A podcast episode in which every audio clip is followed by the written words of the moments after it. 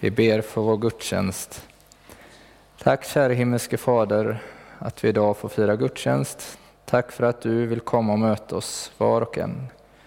Tack för att du vill komma med din gode heliga Ande, både till oss som är här i kyrkan och till dem som sitter där hemma framför datorn. Kom du och välsigna denna stunden. Vi ber om det i Jesu namn. Amen.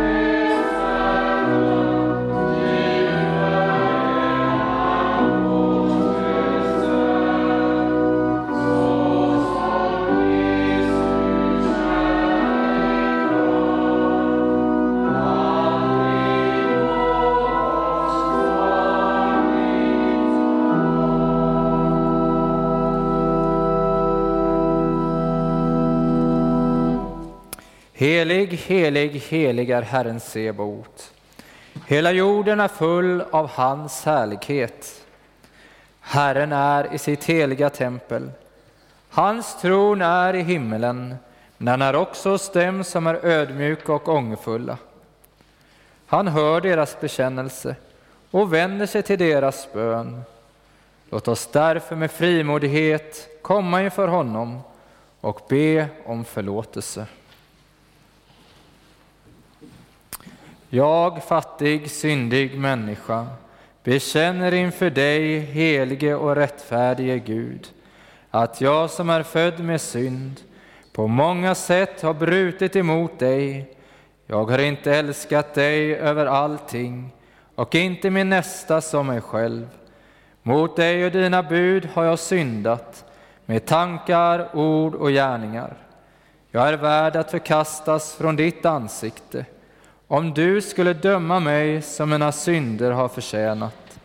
Men du, käre himmelske Fader, har lovat att med mildhet och nåd ta emot alla som vänder sig till dig. Du förlåter dem allt vad de har brutit och försummat och tänker inte mer på deras synder. Detta litar jag på när jag nu ber dig om förlåtelse för min frälsares Jesu Kristi skull. Herre, hör nu också varje hjärtas tysta bekännelse.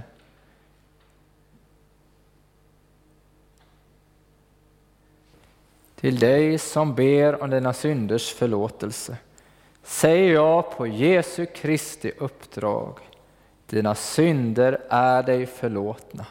I Faderns och Sonens och den helige Andes namn. Amen. Käre Fader i himmelen, vi tackar dig för syndernas förlåtelse genom Jesus Kristus, vår Herre. Amen.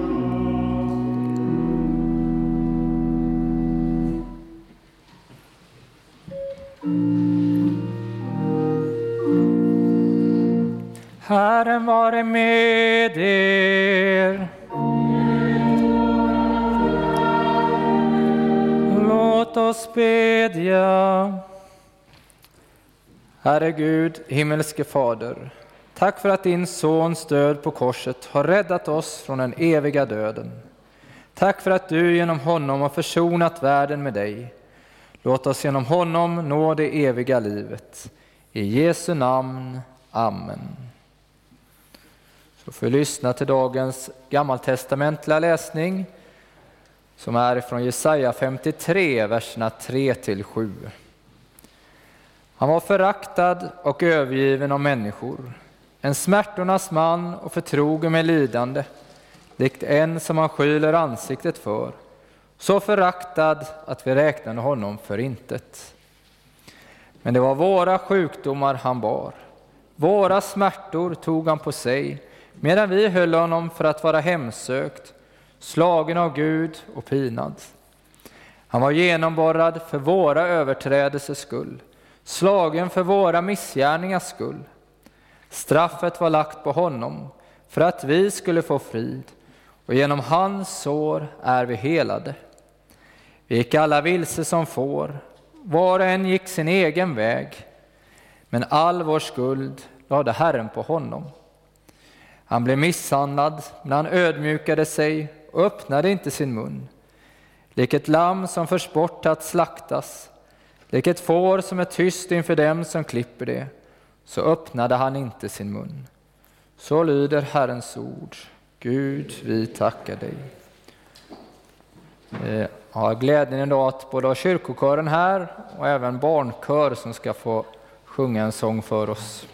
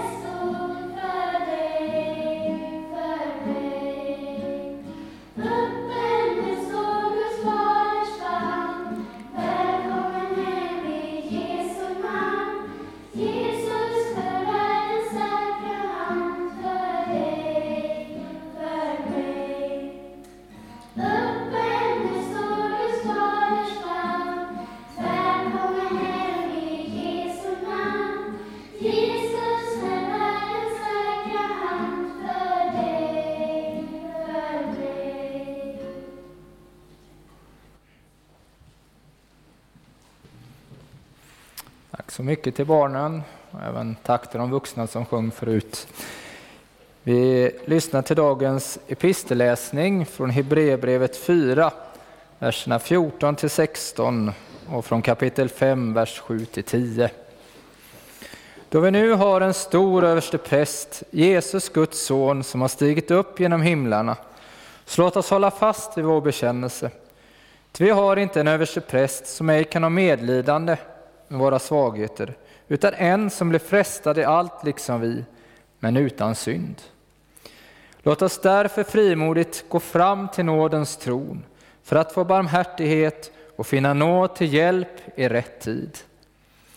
Medan han levde här i köttet ropade han högt under tårar när han bad och åkallade den som kunde rädda honom från döden. Och han blev bönhörd och tagen ur sin ångest. Fastän han var son lärde han sig lydnad genom sitt lidande.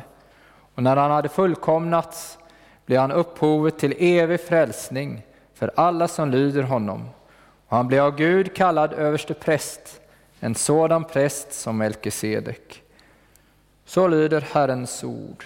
Gud, vi tackar dig. Så sjunger vi psalm 137.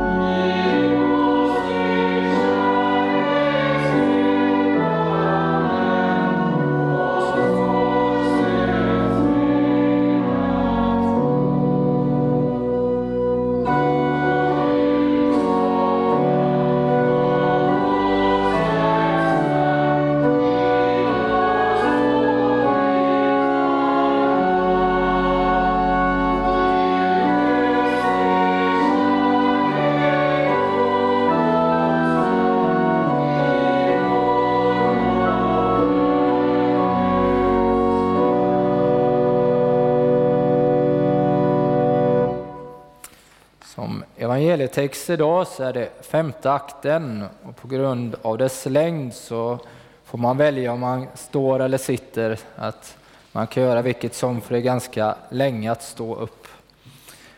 Upplyft era hjärtan till Gud och hör dagens heliga evangelium. När de hade hånat honom tog de av honom manteln och satte på honom hans egna kläder och förde bort honom till att korsfästas. Och han bar själv sitt kors. När de förde bort honom grep de en man som kom från landet, Simon från Kyrene. På honom lade de korset för att han skulle bära det efter Jesus. En stor folkmassa följde honom, bland dem många kvinnor som sörjde och grät över honom. Då vände Jesus sig om och sade till dem, Jerusalems döttrar, gråt inte över mig, utan gråt över er själva och era barn. Till det kommer en tid då man ska säga, saliga är de ofruktsamma, det moderliv som inte har fött och det bröst som inte har gett i. Då ska man säga till bergen, fall över oss och till höjderna, dölj oss. Så man gör så med det friska trädet, vad ska då inte ske med det torra? Två andra brottslingar fördes också ut för att avrättas tillsammans med honom. Och det förde Jesus till Golgata, det betyder huvudskalleplatsen. Det gav honom vin att dricka blandat med galla. Han smakade på det, men ville inte dricka. Där korsfäste de honom, och tillsammans med honom två andra, en på var sida och Jesus i mitten. Det var vid tredje timmen som de korsfäste honom. Men Jesus sade, Fader, förlåt dem, ty de vet inte vad de gör. Pilatus hade också låtit göra ett anslag som sattes upp på korset. Där stod Jesus från Nasaret, judarnas konung. Det anslaget läste många judar eftersom platsen där Jesus korsfästes låg nära staden och texten var skriven på hebreiska, latin och grekiska. Då sade judarnas överste präster till Pilatus, skriv inte judarnas konung, utan skriv att han sagt sig vara judarnas konung. Pilatus svarade, vad jag har skrivit, det har jag skrivit. Soldaterna som hade korsfäst Jesus tog hans kläder och delade dem i fyra delar, en åt varje soldat. Också livkläderna tog det. Men den var utan sömmar, vävd i ett enda stycke, uppifrån och ända ner. Därför sade de till varandra, vi ska inte skära sönder den, utan kasta lott om vem som ska få den. Ty skriften skulle uppfyllas. De delade mina kläder mellan sig och kastade lott om min klädnad. Så gjorde nu soldaterna. Vid Jesu kors stod hans mor och hennes syster Maria som var Klopas hustru och Maria från Magdala. När Jesus såg sin mor och bredvid henne den lärjunge som han älskade sade han till sin mor Kvinna, se din son.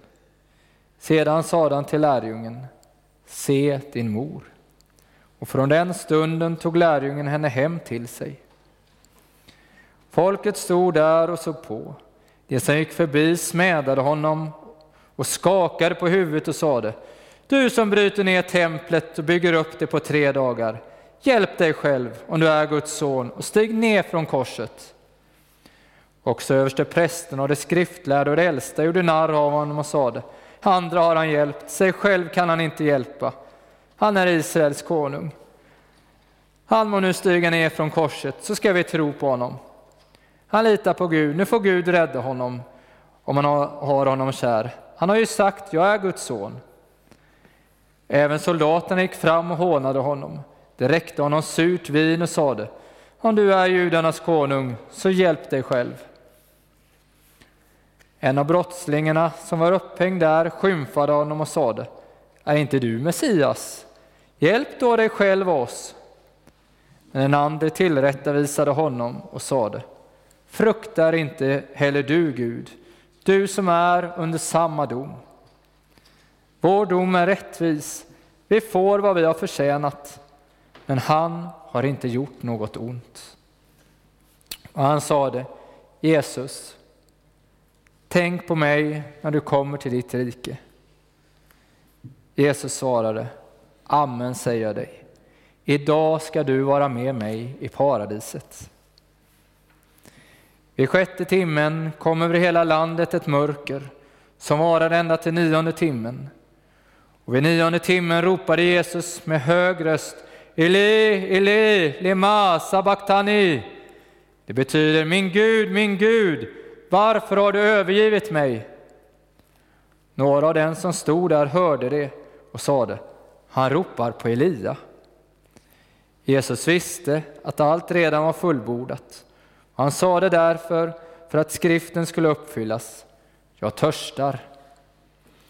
En av dem sprang då och fyllde en svamp med ättikvin, fäste den runt ett spö och gav honom att dricka. Men det andra sade, låt oss se om Elia kommer och tar ner honom.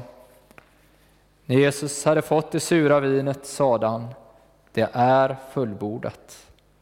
Och Jesus ropade med hög röst, Fader, i dina händer överlämnar jag min ande.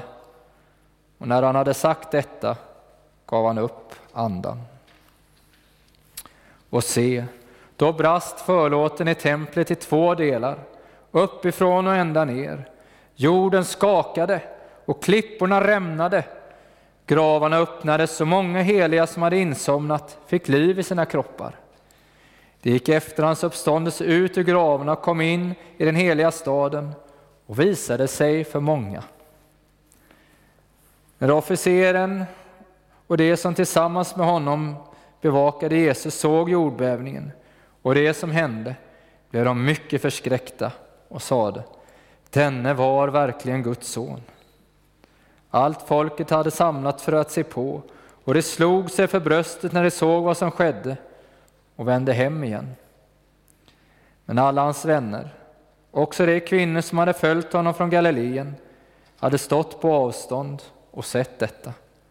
Bland dem var Maria från Magdala och den Maria som var Jakob den yngres och Joses mor, samt Salome.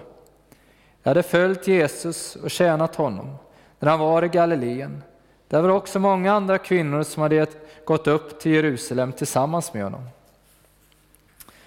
Eftersom det var tillredelsedag och judarna inte ville att kropparna skulle hänga kvar på korset över sabbaten. Det var nämligen en stor sabbatsdag. Bad Pilatus att de korsfästas ben skulle krossas och kropparna föras bort. Soldaterna kom därför och krossade benen på dem som var korsfästa tillsammans med honom, först på den ene och sedan på den andra. När de därefter kom till Jesus och såg att han redan var död krossade inte hans ben, men en av soldaterna stack upp på hans sida med sitt spjut och genast kom det ut blod och vatten. Den som har sett detta har vittnat för att också ni ska tro, och hans vittnesbörd är sant, och han vet att han talar sanning. Ty detta skedde för att skriften skulle uppfyllas. Inget ben ska krossas på honom. Och ett annat skriftställe säger, det ska se upp till honom som det har genomborrat. Så lyder det heliga evangeliet. Lovad vare du, Kristus. Låt oss så bekänna vår heliga kristna tro. Vi tror på Gud Fader allsmäktig, himmelens och jordens skapare. Vi tror också på Jesus Kristus, hans enfödde Son, vår Herre, vilken är avlad av den helige Ande, född av jungfru Maria, pinad under Pontius Pilatus, korsfäst, död och begraven, nederstigen till dödsriket, på tredje dagen uppstånden igen ifrån de döda, uppstigen till himlen, sittande på allsmäktig Gud Faders högra sida, därifrån igenkommande till att döma levande och döda. Vi tror också på den heliga Ande, en helig allmänlig kyrka, det heliga samfund, syndernas förlåtelse, det dödas uppståndelse och ett evigt liv. Så sjunger vi psalm 143.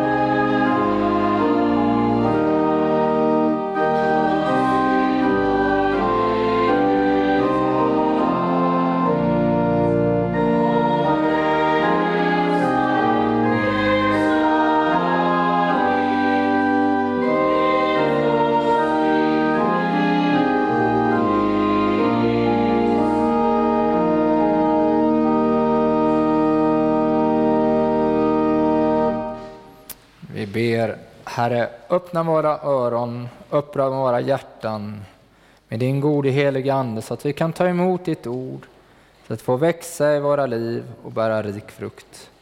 Be om i Jesu namn. Amen. Men vi predikar Kristus som korsfäst, för judarna en stötesten och för hedningarna en dårskap. För oss som kristna så är korset något oerhört positivt. Det står för Jesus. Det står för hans försoning, för hopp, glädje, förlåtelse. Det är en symbol man har runt halsen och man bär den med stolthet. För den står för vad Jesus har gjort för oss. På den här tiden hade man inte alls samma bild av korset. Korset var inte något positivt för dem. Det var en avrättningsredskap och det var den värsta av dem alla.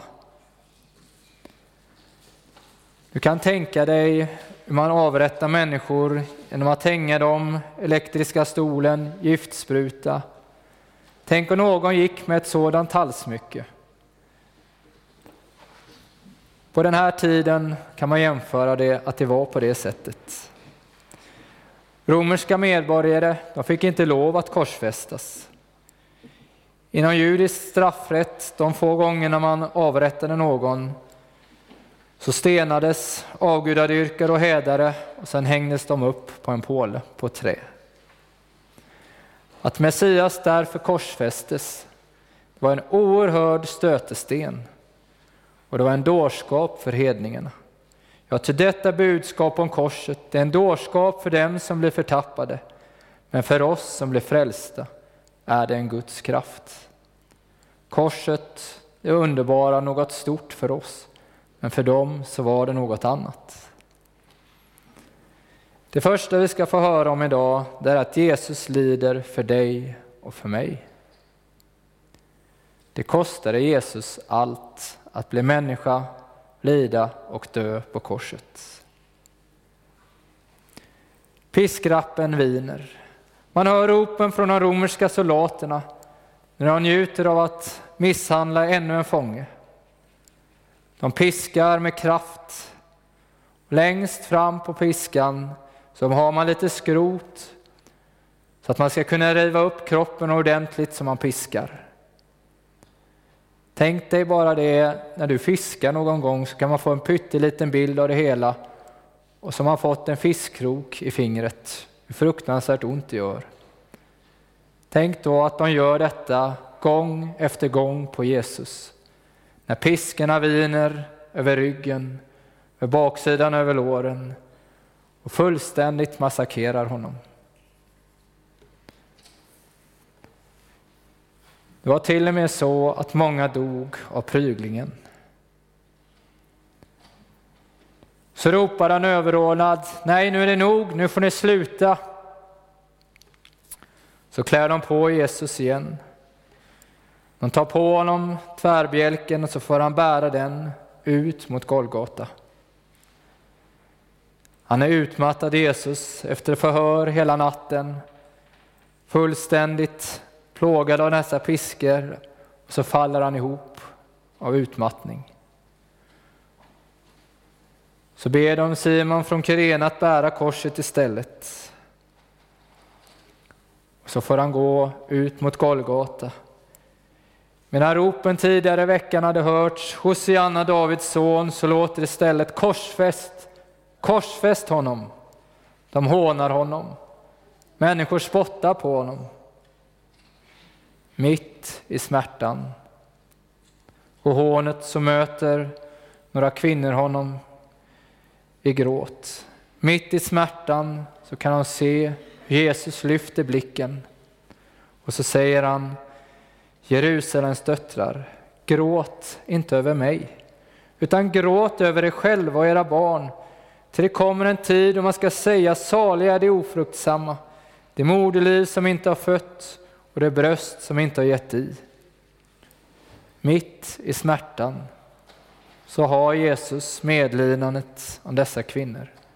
Han ser dem med kärlek i blicken och så säger han till dem, gråt inte över mig, utan gråt över er själva och era barn.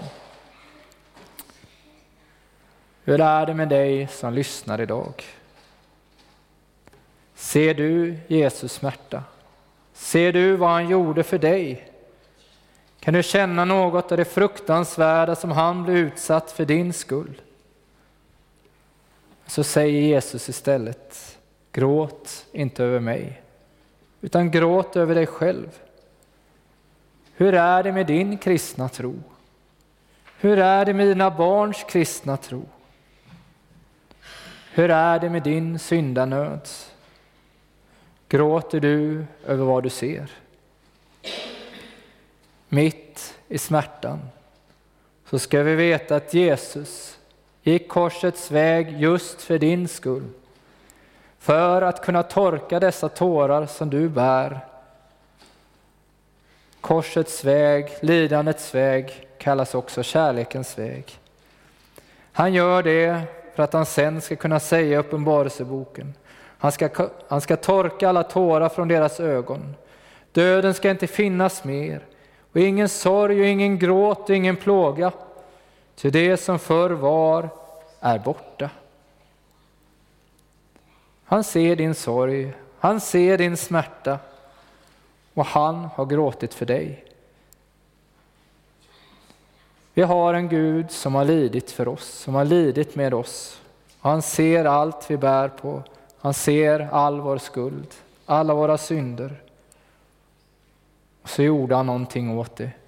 Han gick till korset för att kunna förlåta och upprätta oss. Ja, han var tvungen att gå till korset. Den största smärtan det var inte att bli piskad, att bli korsfäst. Nej, det var att kunna göra färdigt för dig och mig. Att bära all världens synd upp på sig. Nåden för Gud den var inte billig. Den var så dyrköpt så att Gud fick offra sin egen son på Golgata kors. Men han ville göra det för oss, för att vi ska kunna bli förlåtna, för att vi ska kunna få komma till himmelen. Så utsur han smärtan för vår skull. Det är också därför vi kallar det för långfredag i Sverige. Men i England så har man lite annat perspektiv, de kallar det för Good Friday. Den bra fredagen, den välsignade fredagen.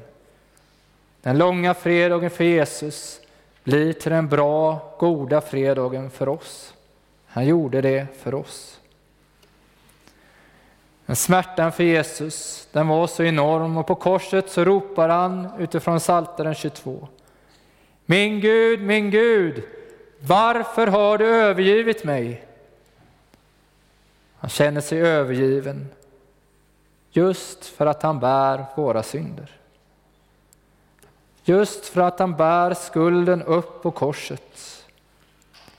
Gud tål inte synden, för han är helig. Men han ser att det, finns ingen, det fanns ingen annan väg att rädda oss än genom att själv bli människa genom Jesus Kristus och dö på korset. Du så älskade Gud världen att han utgav sin enfödde son för att den som tror på honom inte ska gå förlorad utan ha evigt liv. Ta det ordet till dig, det är för dig. Gud älskar hela världen och det innefattar också dig som är här i kyrkan eller du som sitter framför datorn. Han älskade dig så mycket så att han lät sin son bli människa och dö för dig. Det kan tyckas så enkelt för oss. Vi säger bara förlåt och så förlåter någon. Men för Jesus så var det inte enkelt. Det kostade allt. Piskas, spika genom händerna, hånad på korset, dö på det mest föraktade sättet.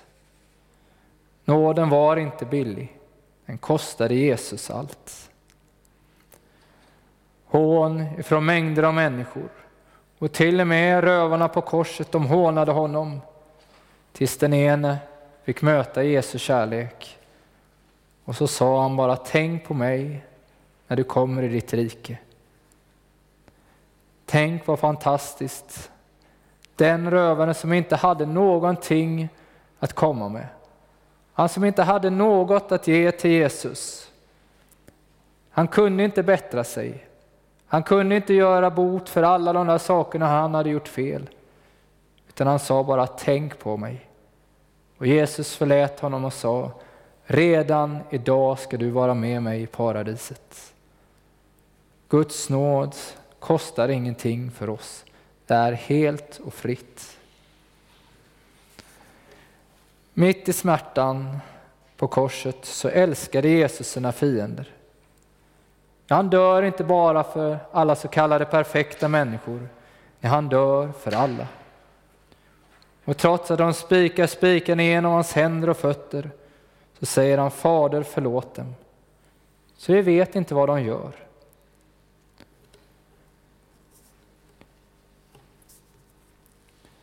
Jesus, han vill förlåta oss allt. Och det kan han genom att han dog på korset. Men varför dör man på korset? Varför hängde de där så länge? Varför tog det sån tid att dö på ett kors? När man hängde på korset så var all, varje andetag en kraftansträngning. Man var tvungen att lyfta sig, pressa sig upp mot korset för att kunna få luft. Sen sänkte man sig ner för att kunna vila en kort stund. Sen pressade man sig upp igen. Och så när man inte längre orkade pressa sig upp, då fick man inte längre något syre. Så bildades det kolsyra i blodet, hjärtat hamnade i otakt och så slutade hjärtat att slå. Det kunde ta flera dagar att hänga där på korset och pinas, ända tills man inte orkade mer.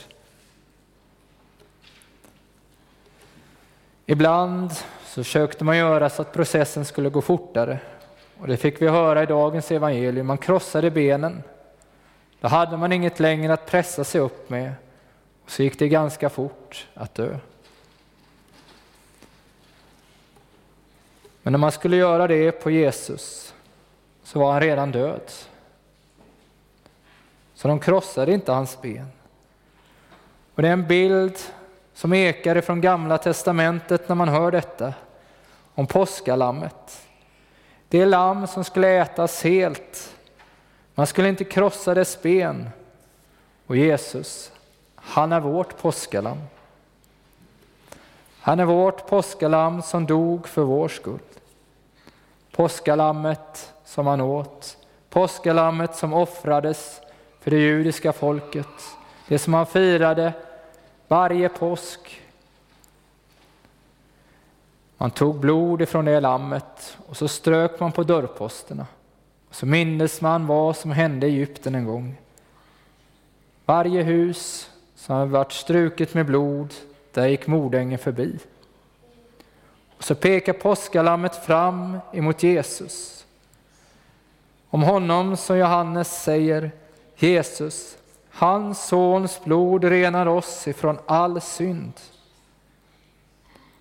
Påskalammet offrades en gång för alla när, det dog på kors, när han dog på korset.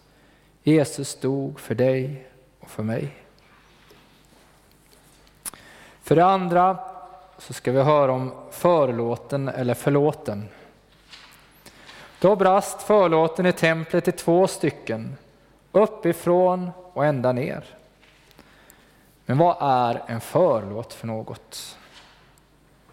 En förlåt är en form av ett draperi, eller en gardin har de flesta hemma. Man kan dra för gardinerna för fönstret. Det här var ett jätte, jättestort draperi. Det sägs i judiska källor att det var cirka 18 meter högt, 9 meter brett och 25 centimeter tjockt. Och att det behövdes ungefär 300 präster för att lyfta det här fruktansvärt tunga draperiet. Så det var ett enormt stort draperi. Och på draperiet så fanns det keruber.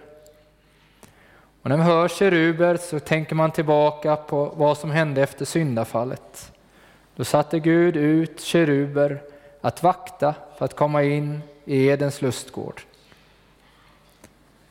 Nu vaktade keruberna det allra heligaste. Det var bild på keruberna på det stora draperiet. In där till det allra heligaste fick överste prästen bara gå in en gång om året. Och det var på stora försoningsdagen. Den dagen firar man fortfarande i Israel. Och då är det som att vara i Sverige på början av 1900-talet. Vägarna ligger öde. Tv-sändningarna är avstängda.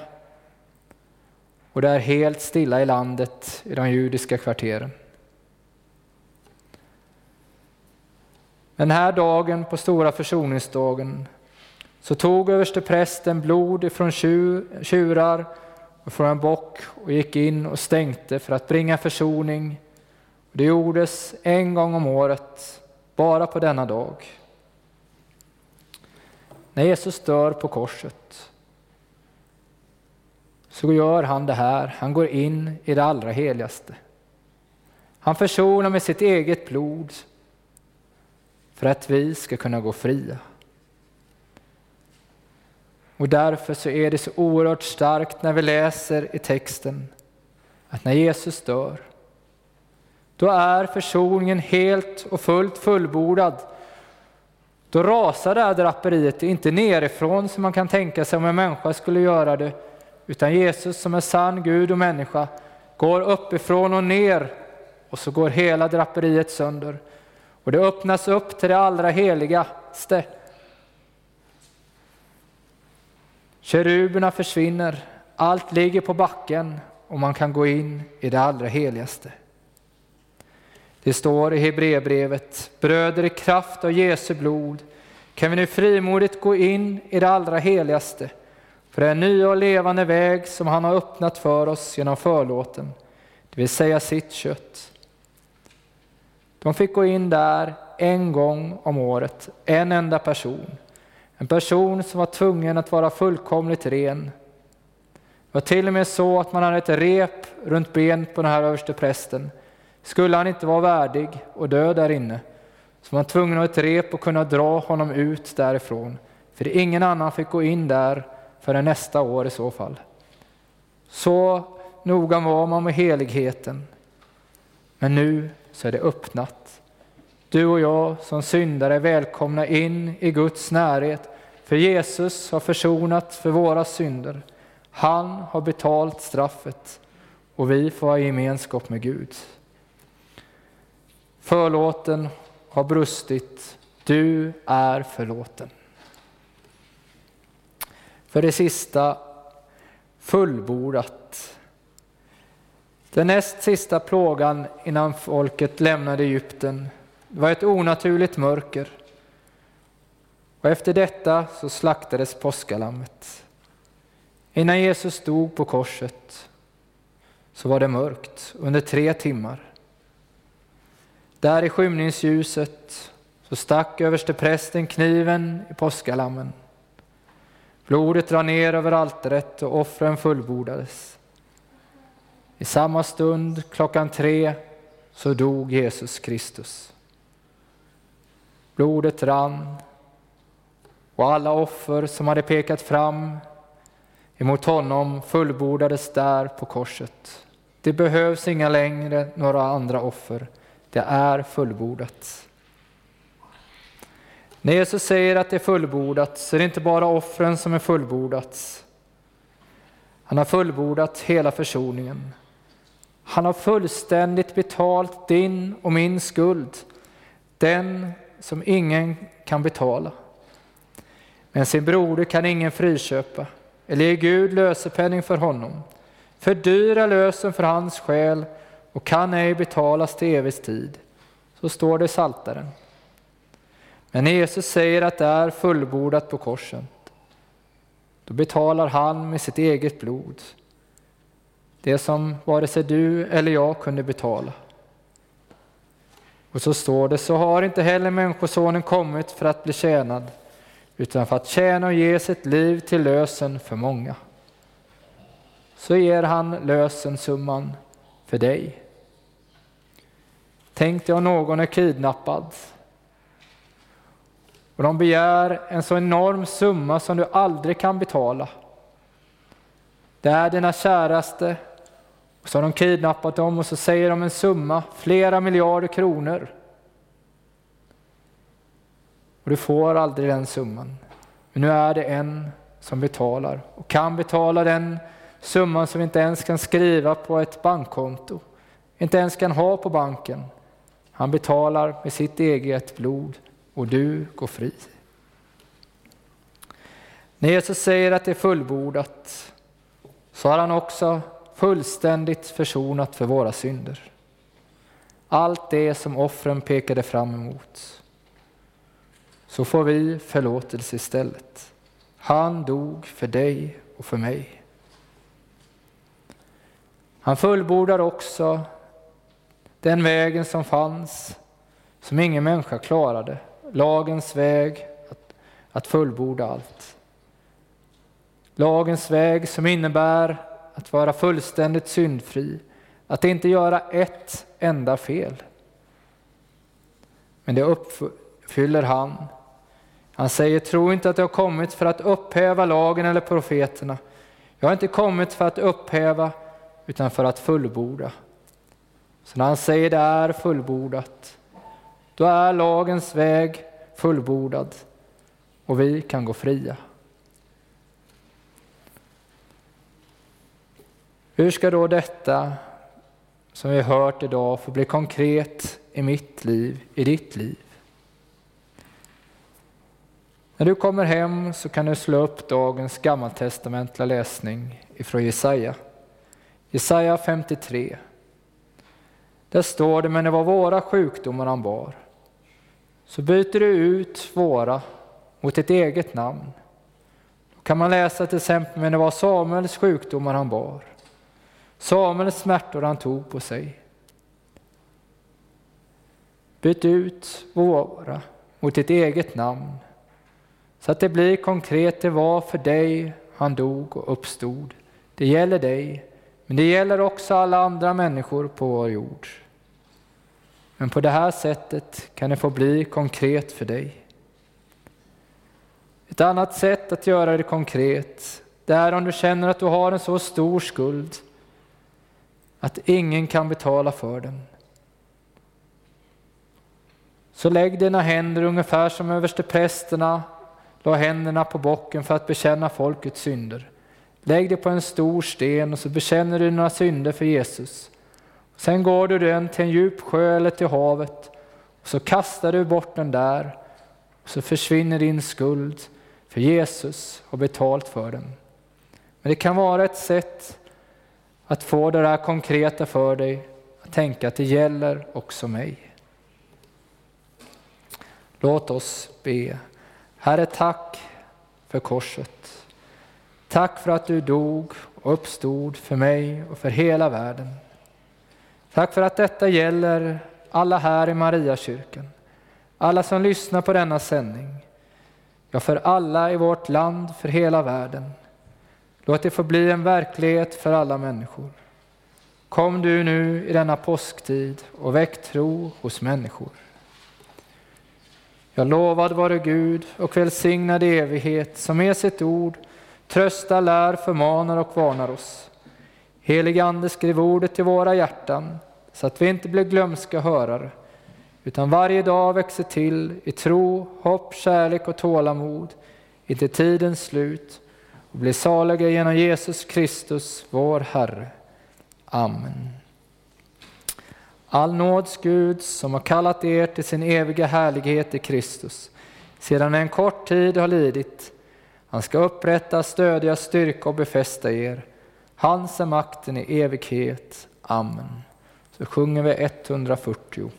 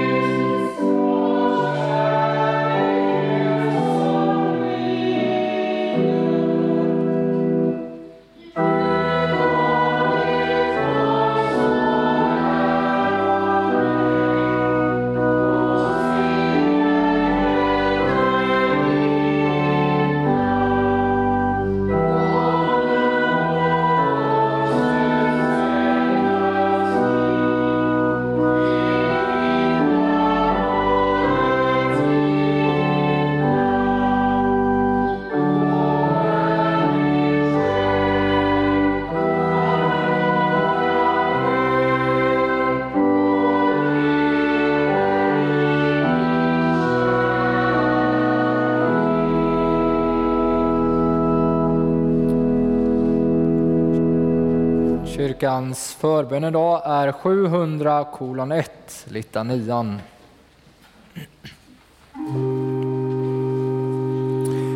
Evige allsmäktige Gud, alla dig över Herre, hör vår bön.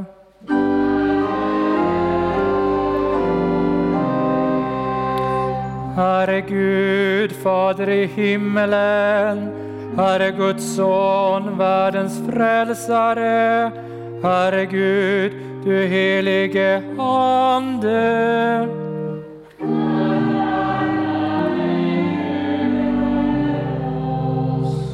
Var oss nådig.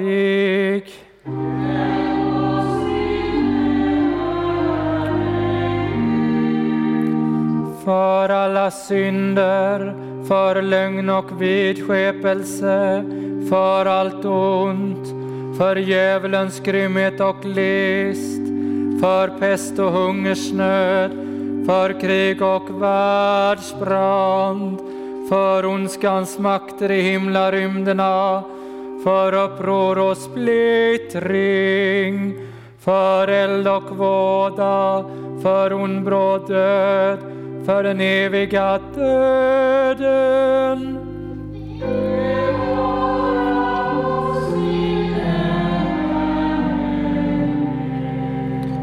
Genom din heliga födelse, genom ditt kors och din död, genom din heliga uppståndelse och himmelsfärd, i frestelse och fall, i välgång och lycka verka i dödens stund på yttersta domen.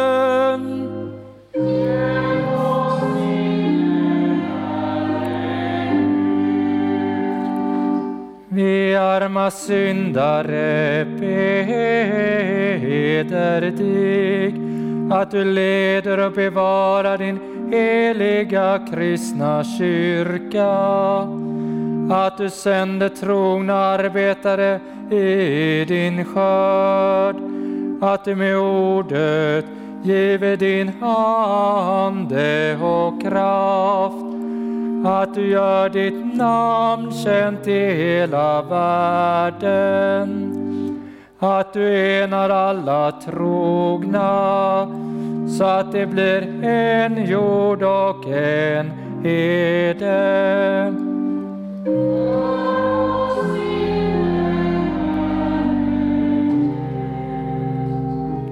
Att du förunnar alla folk fred och endräkt. Att du skyddar och bevarar vårt fosterland. Att du välsignar våra hem och för de unga på dina vägar.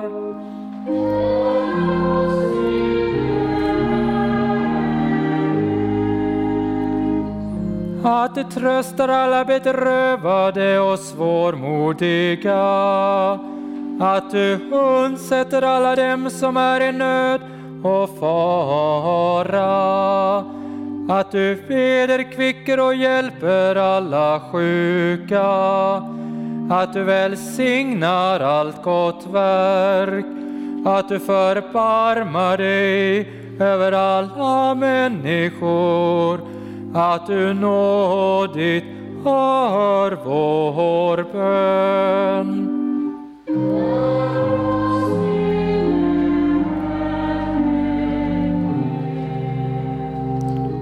Herre allsmäktige Gud, du som hör de botfärdiga suckar och tröstar bedrövade hjärtan.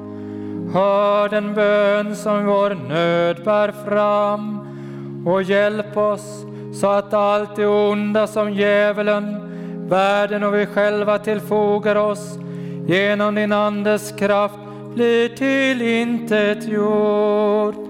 Så vill vi frälsta från allt ont i din församling alltid tacka och lova dig.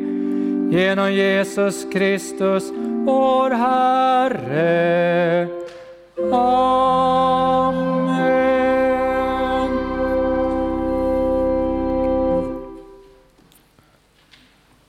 Fader vår som är i himmelen.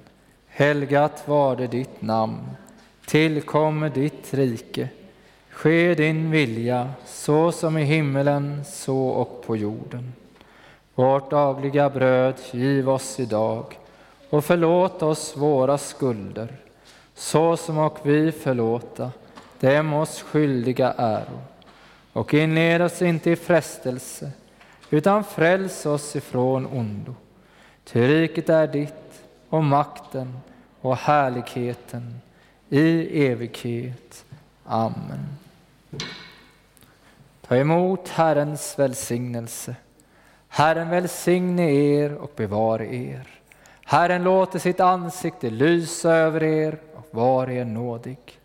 Herren vände sitt ansikte till er och giv er frid. I Faderns och Sonens och den helige Andes namn. Amen. Så sjunger vi psalm 138.